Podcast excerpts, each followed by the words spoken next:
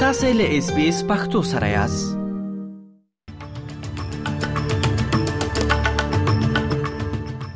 د خبرونو سرټکی ترکیه او سوریه کې سخت زلزلو تر دې دمه نږدې 3000 کسان وژل دي او له 12000 څخه ډیر ټپيان دي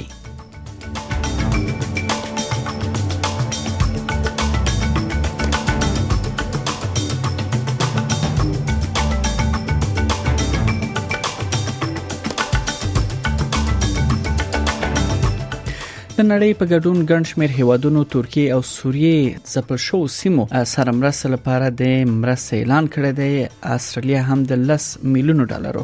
د بیړنۍ مرستې اعلان کړی دی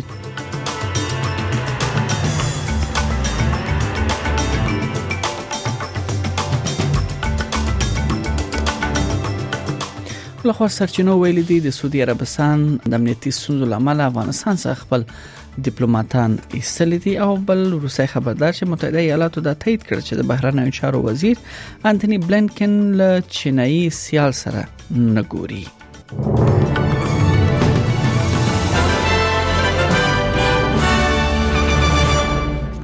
او دا هم بشپړ خبرونه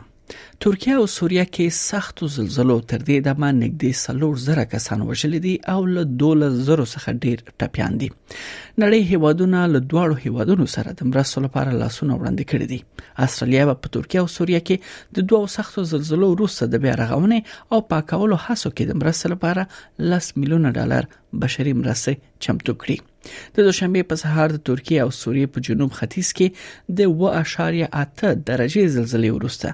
د وژل شو شمیر 3200 تنو ته ورسید او تماده چې نور هم د شمیره د مړو او د ټپیانو ډیر شي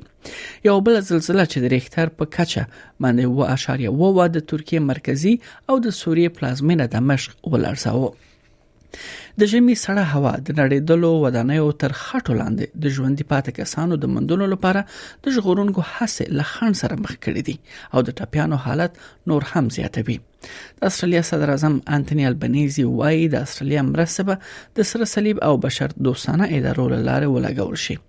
خغلی البنيزي ویل چې استرالیان د رامنځته شو ویجاړیو لامل ژور خفقان کوي Can I Uh, extend Australia's deepest sympathies and condolences to the families and communities that have lost loved ones. We have seen thousands of deaths and tens of thousands of injuries through this tragedy. These multiple earthquakes that have hit the region are having a devastating impact. د ملګرو ملتونو سرمنشي انټونیو ګوتریس سوداګرو او کاروبارونو لخوا د دوامدار پرمختګ خلاف عمل یې غندلی دی د ملګرو ملتونو عمومي اسمبلی ته په وینا کې ښاغلي ګوتریس د 1941 کال کانفرنس په اشاره سره چې د پیسو نړیوال صندوق او نړیوال بانک رامنځته کولو لامل شو د همداسې ستر نوښت رامنځته کولو اړتیا په ګوته کړه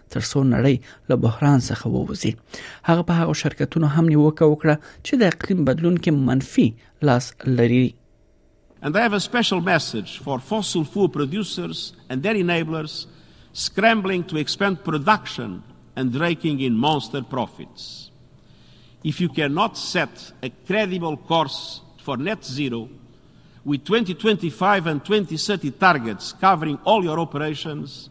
you should not be in business. د اوکراین جګړې ته په اشاره سره خغلی ګوترس هم دا نظر تکرار کړ چې نړۍ د یوې پراخې جګړې په لور په خوب کې روانه ده د فدرالي اپوزيسیون مشر پیټر ډاټن وایي چې حکومت نن ورځ چې د احتمالي د سود په نرخونو کې زیاتوالی راځي هغه لپاره پړ دی په پراخه کچه تمه کیږي چې ریزرو بانک یا مرکزی بانک به نن ورځ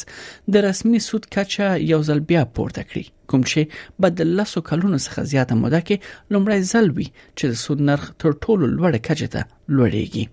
حکومت لیواله دی چې په عمده توګه د وروستي سود نرخ لوړېدو لپاره نړیوال عوامل ملامت کړي خو ښاغلی ډاټن چې په کمبرا کې د اپوزیسیون د غړو یوې غونډې ته وینا کوله وویل چې حکومت د صنعتي اړیکو او نورو مسلو په اړه د خپلو پریکړو سره د استرالیانو پر ژوند فشارونه نور هم ډیر کړي دي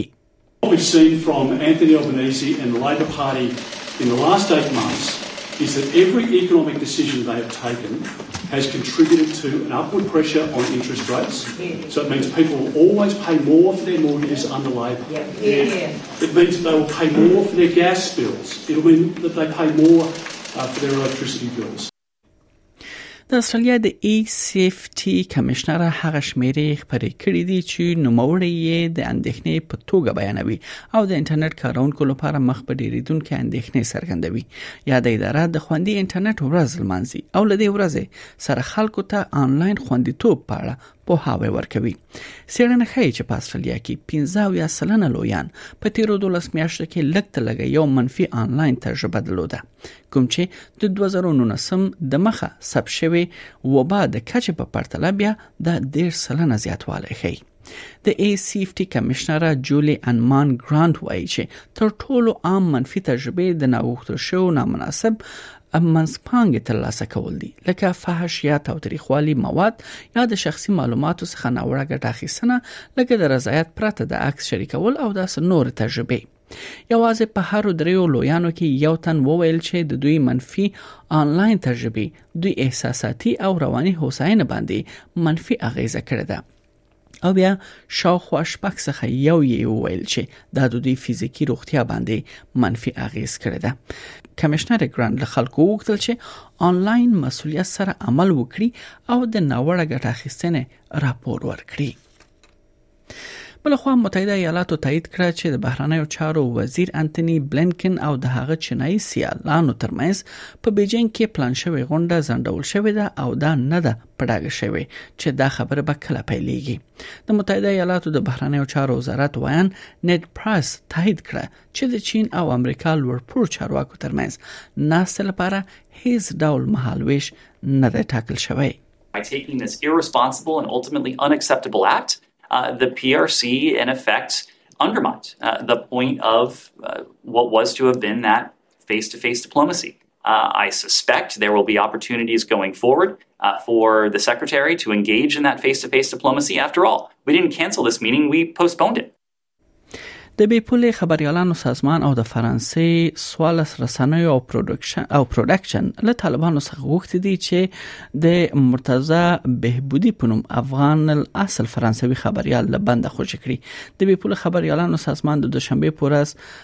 په یو اعلامیه کې ویل دي چې دا خبريال یو میاش مخکې طالبانو په کابل کې نیولای دی او د هغوی په بند کې دی دغه سازمان او فرانسوي رسنیو د طالبانو لخوا د خبريال مرتضی بهبودي نیول کېدل نامعقول بلل دي او ویل دي چې د نوموړي د خلاصولو په اړه د دوی هڅو تر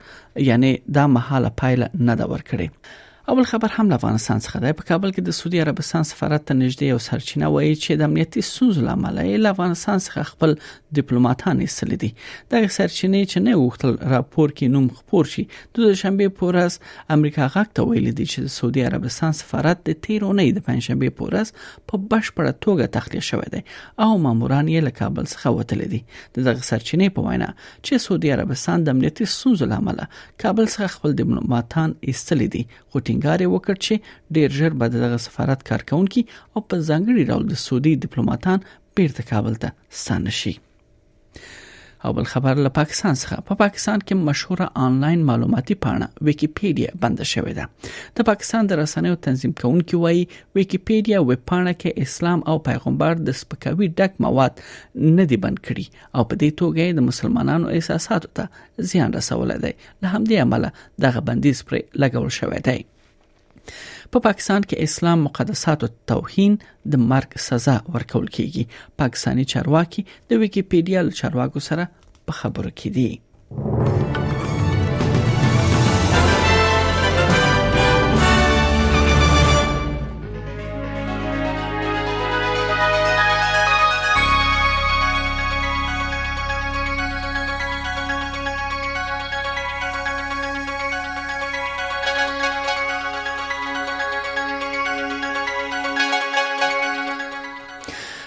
او دا هم د اصلي ډالرو پر وړاندې د ځینو بهرنیو اسعارو بیې په نړیوالو مارکیټونو کې یو اصلي ډالر 0.98 امریکایي سنت 0.48 یورو سنت یو اصلي ډالر دوه شپېته افغاني روپی یو سل نوي اشاریه نه هویا پاکستاني روپی یو اصلي ډالر و 50 اشاریه یویش هندۍ روپی 2 اشاریه سلور 50 اماراتي درهم او یو اصلي ډالر 0 اشاریه و 50 انګلیسي پنسه ارزښت لري د هم د استرالیا د ځینو ښارونو نن لپاره د تودوخې تر ټولو لوړه درجه هغه هم د سانتیګریډ په کچه سېډني کې هوا باراني ده لوړه درجه 22 سانتیګریډ اټکل شوې ده په ملبورن کې اسمان برګ 21 په برزبن کې اسمان برګ 13 په پرت کې هوا لمریزه ده نهویش په اډلیټ کې هوا لمریز ده یو دیش په هوبرټ کې اسمان برګ دی دوه ویش په کمبیره کې اسمان برګ اووه ویش او په اخر کې ډاروین هلته هوا لمریز ده او د تودوخې تر ټولو لوړ درجه درې دېرش سانتیګریډ اټکل شوې ده قدرمن اوریدونکو له اس بي اس پښتو خبرونه څخه د ورځې تازه خبرونه ته غوږ به خبرونه کې نور هم په زړه پورې او له معلوماتو ډک مطالب لرم تاسو اوریدو ته ملتیا مو کړئ